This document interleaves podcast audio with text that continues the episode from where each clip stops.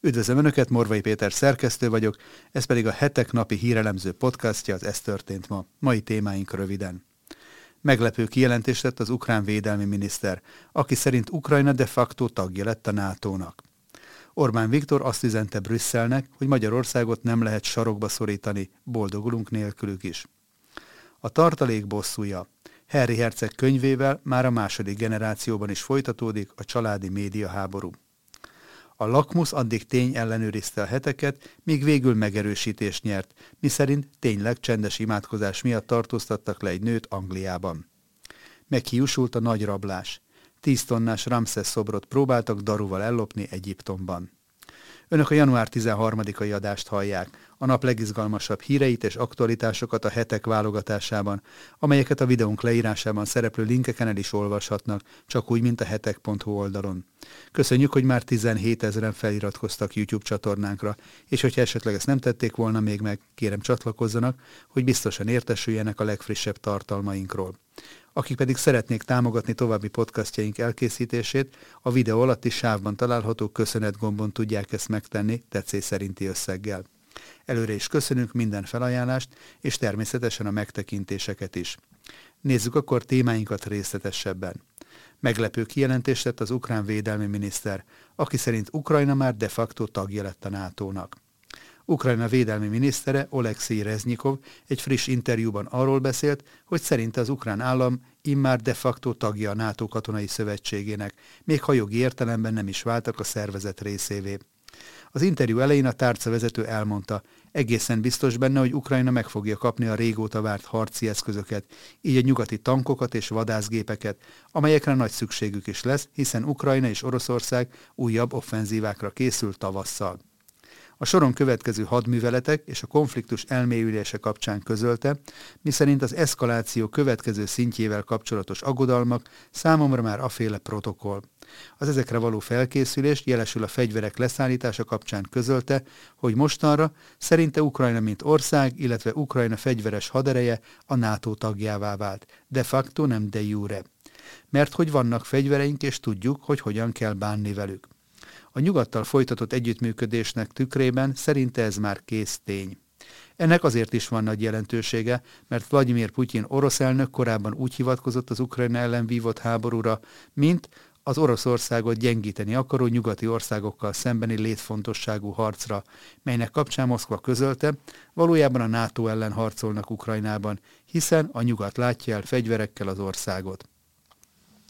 Orbán Viktor azt üzente Brüsszelnek, hogy Magyarországot nem lehet sarokba szorítani, boldogulunk nélkülük is. A kormány főszokásos pénteki interjújában beszélt arról, hogy Magyarországnak soha nem voltak akkora pénzügyi tartalékai, mint most. Szerinte Brüsszelben kormányváltást akarnak, és a magyar fiatalokon állnak bosszút. Nem zárható ki, hogy 2022-re úgy emlékszünk majd vissza, mint arra az évre, amikor beléptünk a veszélyek korába.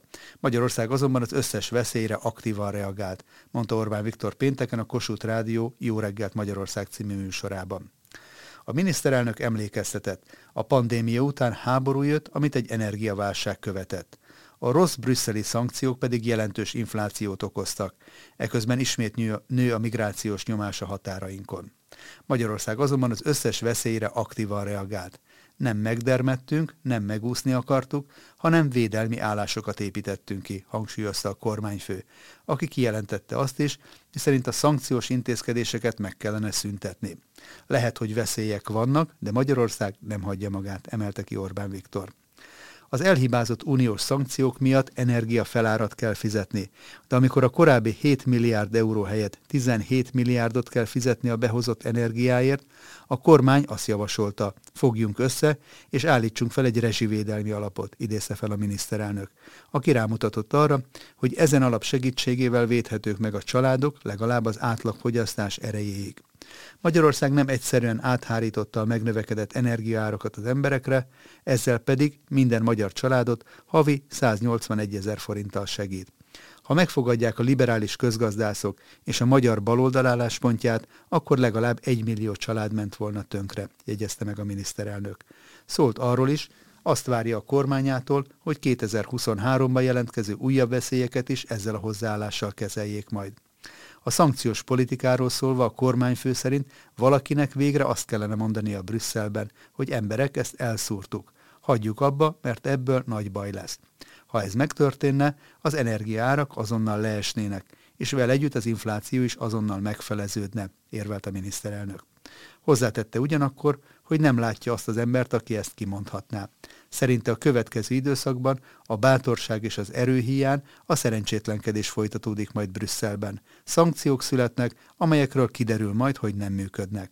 Az unió álláspontját a németek vagy a franciák tudnák megváltoztatni. Magyarország ereje ehhez kevés. Én a kártétel tudom fékezni, fűzte hozzá a miniszterelnök, aki kifejtette. Magyarországon olyan rezsivédelmi rendszert működtetnek, amely havonta mintegy 450 eurót ad minden családnak. Ezt máshol el sem tudják képzelni, hiszen nagyon sokba kerül. Ahhoz, hogy az ember ki tudjon fizetni ennyi pénzt, azt be kell előbb gyűjteni, ahhoz pedig erősnek kell lenni, magyarázta. Közölte továbbá, attól kell elvenni, akinél az infláció és az energiaár növekedés profitot eredményezett. Tehát az energiacégek extra profitját el kell venni úgy, hogy meg kell velük értetni, miszerint ez egy átmeneti intézkedés. Nekik most ezt vállalniuk kell a közösség érdekében. Magyarországon ezt meg is értik, de ez az erőpozíció a nyugat-európai kormányok esetében nem áll fenn. Ők nem tudják begyűjteni azokat az összegeket, amelyeket az embereknek oda tudnak adni a rezsicsökkentésen keresztül, mutatott rá. Kiemelte, ebből az következik, hogy az európai emberek kárvallottjai az elhibázott szankciós politikának és a háborúnak. Gazdaságilag a legnagyobb vesztese az egész konfliktusnak Európa, jelentette ki Orbán Viktor, aki az Erasmus ügyjel kapcsolatban elmondta. A diákok készüljenek ugyanúgy, ahogyan eddig, mert semmilyen kár nem fog, kárt nem fognak szenvedni. Magyarország nem hagyja magát, és nem fogjuk megengedni, mondta a miniszterelnök, hogy a diákok kárvalótjai legyenek bármilyen brüsszeli döntésnek. Közölte továbbá, ösztöndíj program lesz, majd a brüsszeliekkel megegyezünk. Ha pedig nem, akkor a magyar költségvetés ki fogja ezt fizetni. Ez egy befektetés a nemzeti közösség szempontjából, mert az ösztöndíjjal a diákok okosabbak, felkészültebbek lesznek, és magasabb értékű munkát tudnak majd végezni, az egész közösség érdekét szolgálva a tanulmányaik után, magyarázta a miniszterelnök, aki hozzáfűzte, a fiatalok tehetségében rejlő erőforrásokról Magyarország nem mond le. Orbán Viktor hozzáfűzte, akinek van gyereke, az azért azt mondja, hogy hát miféle emberek ezek. Lehet, hogy van egy vita Magyarország és Brüsszel között, de micsoda ember az, aki bosszút áll más ember gyerekként fogalmazott. Hozzátette, ilyen emberek vannak Brüsszelben, akik egy politikai vitát úgy akarnak lerendezni, hogy bosszút állnak a magyar fiatalokon. Kitért arra is, hogy azok, amiket konkrét kifogásként felhoznak a magyar oktatási rendszerrel kapcsolatban, azok butaságok. Az, hogy politikusok ülnek egy egyetem kuratóriumában, Nyugat-Európában általános gyakorlat. A miniszterelnök úgy látja, arról van szó, hogy ők kormányváltást akarnak, és Brüsszelnek van egyfajta elképzelése a jövőről, amely más, mint amit a magyarok gondolnak. Ők azt gondolják, hogy Európát meg kell változtatni, sokszínűvé kell tenni, és be kell engedni a migránsokat. Kifejtette, Brüsszel helytelennek látja, ha valaki ezt nem teszi meg. De a kormányt Magyarországon eddig erre nem sikerült rászorítani. Arról is beszélt a miniszterelnök, hogy van egy elgondolásunk a jövőről, hogy hogyan kell nevelni a gyermekeket. Szerintünk ez a mi dolgunk, a szülőkép. Ők viszont azt gondolják, hogy a civil társadalmi mozgalmaknak jelentős szerepet kell játszani a gyerekek nevelésében. Orbán Viktor szerint emellett ők minél több jogkört el akarnak vinni Brüsszelbe, mert egy nagy európai birodalmat akarnak, amelyben nem tagállamok vannak, hanem inkább provinciák, helytartóságok. Ők azt mondják, hogy miután a magyar kormány folyamatosan kiáll a saját felfogása és a magyar érdekek mellett, ezért kormányváltást kell elérni Magyarországon, mondta a miniszterelnök aki megjegyezte, a választás előtt is ezt akarták, ezért vásárolták meg a magyar baloldalt, csak a magyar nép másképpen döntött. Orbán Viktor úgy értékelt, most Brüsszel megpróbál bennünket mégiscsak a választási eredményektől függetlenül rászorítani arra, hogy azt tegyük, amit Brüsszelből helyesnek gondolnak, és minden konfliktus ebben az összefüggésben értelmezendő. A tartalék bosszúja Harry Herceg könyvében a második generációban is folytatódik a családi média háború. Jövedelmező módját választotta Harry Herceg a pszichoterápiának. Labzártánk előtt egy nappal megjelent könyve az elmúlt évtizedek kiadói szenzációja lett. Csak a fiktív névrokon Harry Potter történetei vetekednek, a Sper, vagyis magyarul Tartalék című önéletrajzzal. A könyv körüli felhajtás azonban nem meglepő. A média gyakorlatilag megszületése óta kíséri a most 38 éves Harry életútját. Itt van előttünk az alapanyag, amiből a tündérmesék születnek, mondta Robert Ramsey Canterbury érsek 1981. július 29-én Lady Diana Spencer és Károly Velszi herceg esküvőjén. A londoni Szent Pál katedrálisban tartott szertartást 750 millió néző követte televízión keresztül, hiszen ez még az online média előtti kor volt. Hollywood ezen a napon betört a Windsor házba, és azóta ott is maradt, írta Isabel Bricker történész az európai uralkodó családokról szóló könyvében. Bár a monarchia iránti érdeklődés korábban is folyamatos volt, a második világháború után sokan arra számítottak, hogy a brit birodalom drámai gyorsaságú széthullásával az uralkodóház népszerűsége is megkopik, és hasonló folyamatok zajlanak le más országokban is. Az udvar számára ezért szó szerint főnyereménynek tűnt, amikor a 19 éves Lady Diana Spencer személyében megtalálták az ideális, szép, tökéletes nemesi származású, gyerekszerető, szerelmi múlt nélküli jelöltet. Diana a vérfrissítést jelentette az elagott monarchia számára, és az álomesküvő a közvéleményben is meghozta a fordulatot. A két fiúgyermek, Vilmos és Harry megszületése nemzeti ünnep lett. Az örömmel vett média rajongásnak azonban nagy ára lett, amikor híre ment a házassági gondoknak. A sajtó, ahogy felemelte Károlyt és Dianát, a válság elmélyítéséből is kivette a részét. 1991-ben a média kiszivárogtatta Diana és James Hewitt lovassági főhadnagy, akkor már évek óta tartó viszonyát. 1992-ben 8 millió példányban kelt el a Diana igaz története című könyv, amely a lelketlen Károly áldozataként vergődő, többször is öngyilkosságot megkísérlő mártírnak ábrázolta a hercegnőt. Néhány hónappal később jött a bosszú. A The Sun bulvárlap kihozott egy telefonbeszélgetés szövegét, amelyet Diana és legújabb szeretője folytatott. A Diana Gate-re válaszul 1993. januárjában megjelent egy sikamlós beszélgetés leírása, amelyet 1989-ben Károly és egyik fiatalkori szeretője Kamilla folytatott egymással, ez lett aztán a Kamilla Gate amely nyomán Károly kénytelen volt egy tévéinterjúban, hol másút, beismerni, hogy megcsalta feleségét. A következő öt évben folytatódott, és egyre durvább lett a nyilvánosság előtti adokkapok, míg végül az őrült rohanásnak 1997. augusztus 31-én tragédia lett a vége a Párizsi körgyűrű egyik alagútjában. A világ, ahogyan ámulva nézte a tündérmese kezdetét, úgy fordult elsőprő érdeklődéssel a gyász fele is. A történtek meg lehet akaratlanul a bulvár sajtó kegyetlen sikerreceptjét követték, az ünnepelsztár felemelésével, majd porba hullásával. A kisebbik herceg, Harry ekkor még csak 12 éves múlt, és alig ha gondolta, hogy évtizedekkel később ő viszi tovább az anyja által elszabadított média hisztériát. Nem véletlenül kezdődik könyve ezzel a tragikus nyárvégi nappal, amelynek az eseményei csak foltszerűen maradtak meg az emlékezetében. Az bárki számára érthető és méltányolható, hogy a két fiú számára sorsfordító trauma volt anyjuk halála, amelynek következtében ott maradtak elhidegült apjuk és a rideg bentlakásos elit középiskola gondozásában. Azt viszont nehéz felfogni, hogy évtizedekkel később miért választotta Harry azt, hogy megismétli szülei végzetes családi média háborúját. Az elmúlt évek botrány sorozata, amelynek eddigi betetőzése az új könyv, ugyanis mintha ugyanezt a forgatókönyvet másolná. Ahogy Diana előszeretettel tüntette fel magát a nyilvánosság előtt egyáltalán nem alaptalanul Károly mártírjának, úgy helyezkedett Harry is a cég áldozatának szerepébe. Könyvéből megtudhatjuk, hogy milyen megalázó volt számára a másodhegedűs szerep.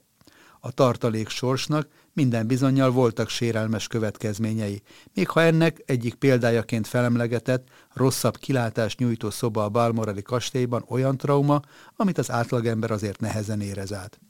A könyv Henry bátyja Vilmos és felesége Katalin személyében a gonosz intrikus szerepét is kiosztja.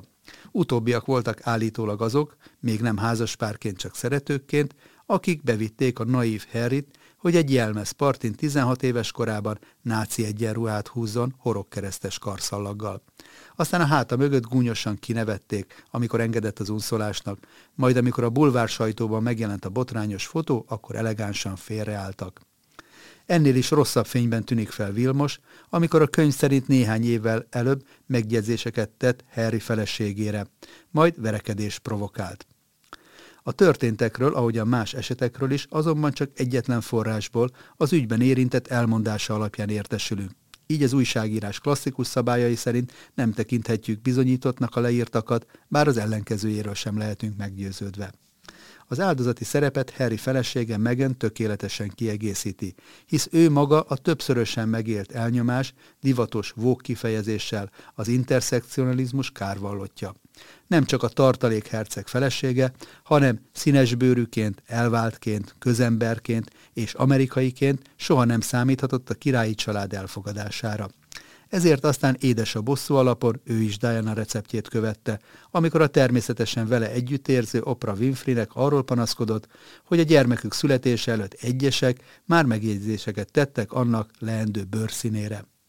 Harry pedig saját bevallása szerint azért ült le megírni, valószínűleg inkább egy árnyékírónak a, lediktálni a könyvét, hogy kibeszélhesse azt, amit nem mert, vagy nem tudott soha elmondani családtagjainak. Közben szintén anyja mintáját követve spiritisztákhoz fordult, hogy kapcsolatba léphessen Diana-val. A mű így aztán egy multimilliómos pszichoterápiás kibeszélős projekté vált. A könyvkiadó, a média és a ma már leginkább a Netflixhez hasonló streaming csatornákon nyomuló Hollywood nagy-nagy örömére. A királyi család egyelőre hallgatásba burkolózik, ez volt Erzsébet királynő taktikája is a korábbi családi botrányok idején. És csak a lojális újságírókon keresztül üzeni meg, hogy Henry egy B-kategóriás celebbé vált, de a mintát követve várható, hogy előbb-utóbb személyesen is ringbe szállnak majd. A folytatás ezért aztán garantált, és csak remélni lehet, hogy nem áll az érintettek előtt olyan beton hídpillér, amely megállítaná ezt a másodgenerációs álmokfutást.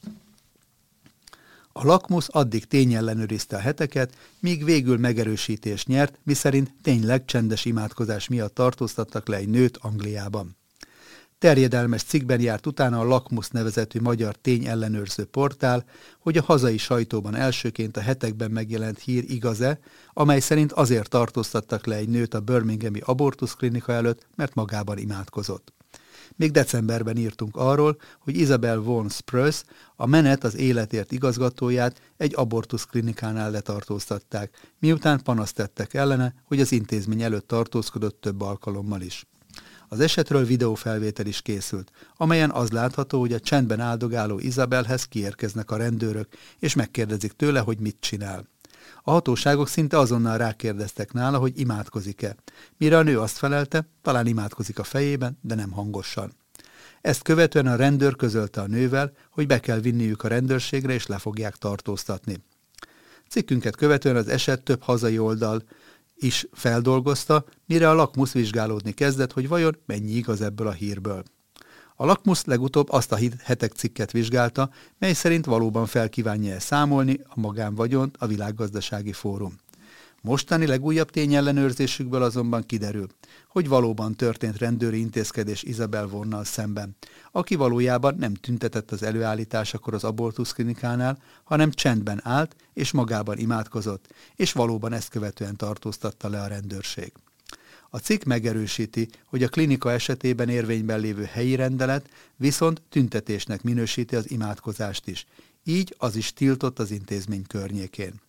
A közterületvédelmi rendelet szerint nem csak az zaklatja a klinika pácienseit és az ott dolgozókat, ha ott tiltakoznak, demonstrálnak, táblákkal tüntetnek, hanem az is, ha valaki imádkozik. A lakmusz azt sérelmezi, hogy a rendőrség tájékoztatása a rendelet megszegésére hivatkozik általánosságban, és nem konkrétan arra, hogy Izabel imádkozott-e vagy sem. Az életpárti aktivista szervezet igazgatója egyébként elmondta, hogy a hitének központi részét képezi az, hogy ha elsétál egy klinika mellett, akkor időnként megáll és imádkozik. Már húsz éve ezt teszi ilyen helyzetben, általában olyan nőkért imádkozva, akik később megbánták azt, hogy abortusz követtek el, vagy még fontolgatják. Az, hogy Európában, sőt az emberi jogok egyik őshazájában, Nagy-Britanniában olyan előfordulhat, hogy egy rendőr azért volt kérdőre egy állampolgárt, mert az magában imádkozik, nos, ez egészen megdöbbentő és mélységesen felháborító. Már önmagában botrány az, hogy a vallásszabadságot ilyetén formán korlátozzák, de ez ráadásul tényleg kimeríti a gondolatrendőrség és a gondolatbűnözés tényét, hogy valakit számon lehet kérni és felelősségre lehet vonni azért, amiért gondolni mer valamire.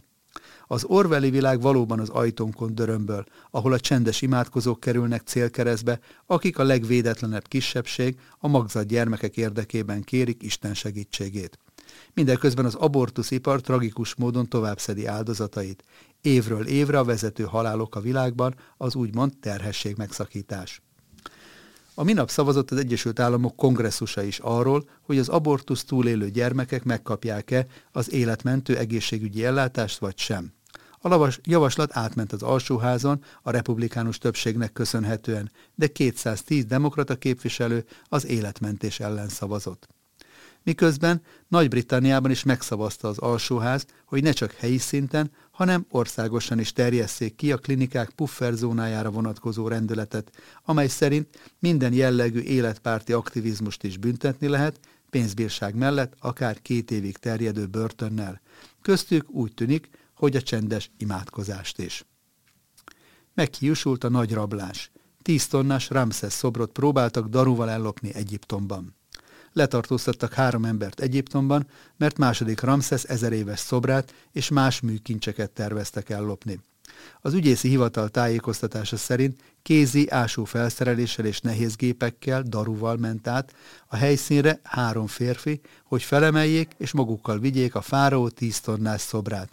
Majd ásatásokat végezzenek a helyszínen, további értékes leletek után kutatva. Az is kiderült, hogy a gyanúsítottak olyan videókat küldtek egymásnak telefonon, amelyeken régi szobrokat ástak ki az emberek. Második Ramszesz az egyik leghíresebb egyiptomi uralkodó volt, és 67 éven át volt hatalmon az országban. Egyiptom szerte templomok építését írta elő, és sokan úgy gondolják, hogy a Mózes második könyvében a zsidók Egyiptomból való kivonulásának az idején is ő volt a fáraó. Az elmúlt tíz évben összesen 29 ezer illegálisan külföldre eladott műkincset szerzett vissza Egyiptom. Nos, ennyi fért bele mai ajánlónkba. Morvai Pétert hallották az Ez történt ma mai adásában. Várom Önöket a jövő héten is aktuális hírekkel, ajánlókkal, és hogyha szeretnének ezekről biztosan értesülni, akkor kérem iratkozzanak fel a hetek YouTube csatornájára, ahogyan ezt már több mint 17 ezeren meg is tették, amit ezúton is nagyon köszönünk. Közben tart még a hetek nyomtatott és digitális előfizetői akciója. A fődíj egy Toyota személyautó. Viszont hallásra további szép hétvégét kívánok mindenkinek!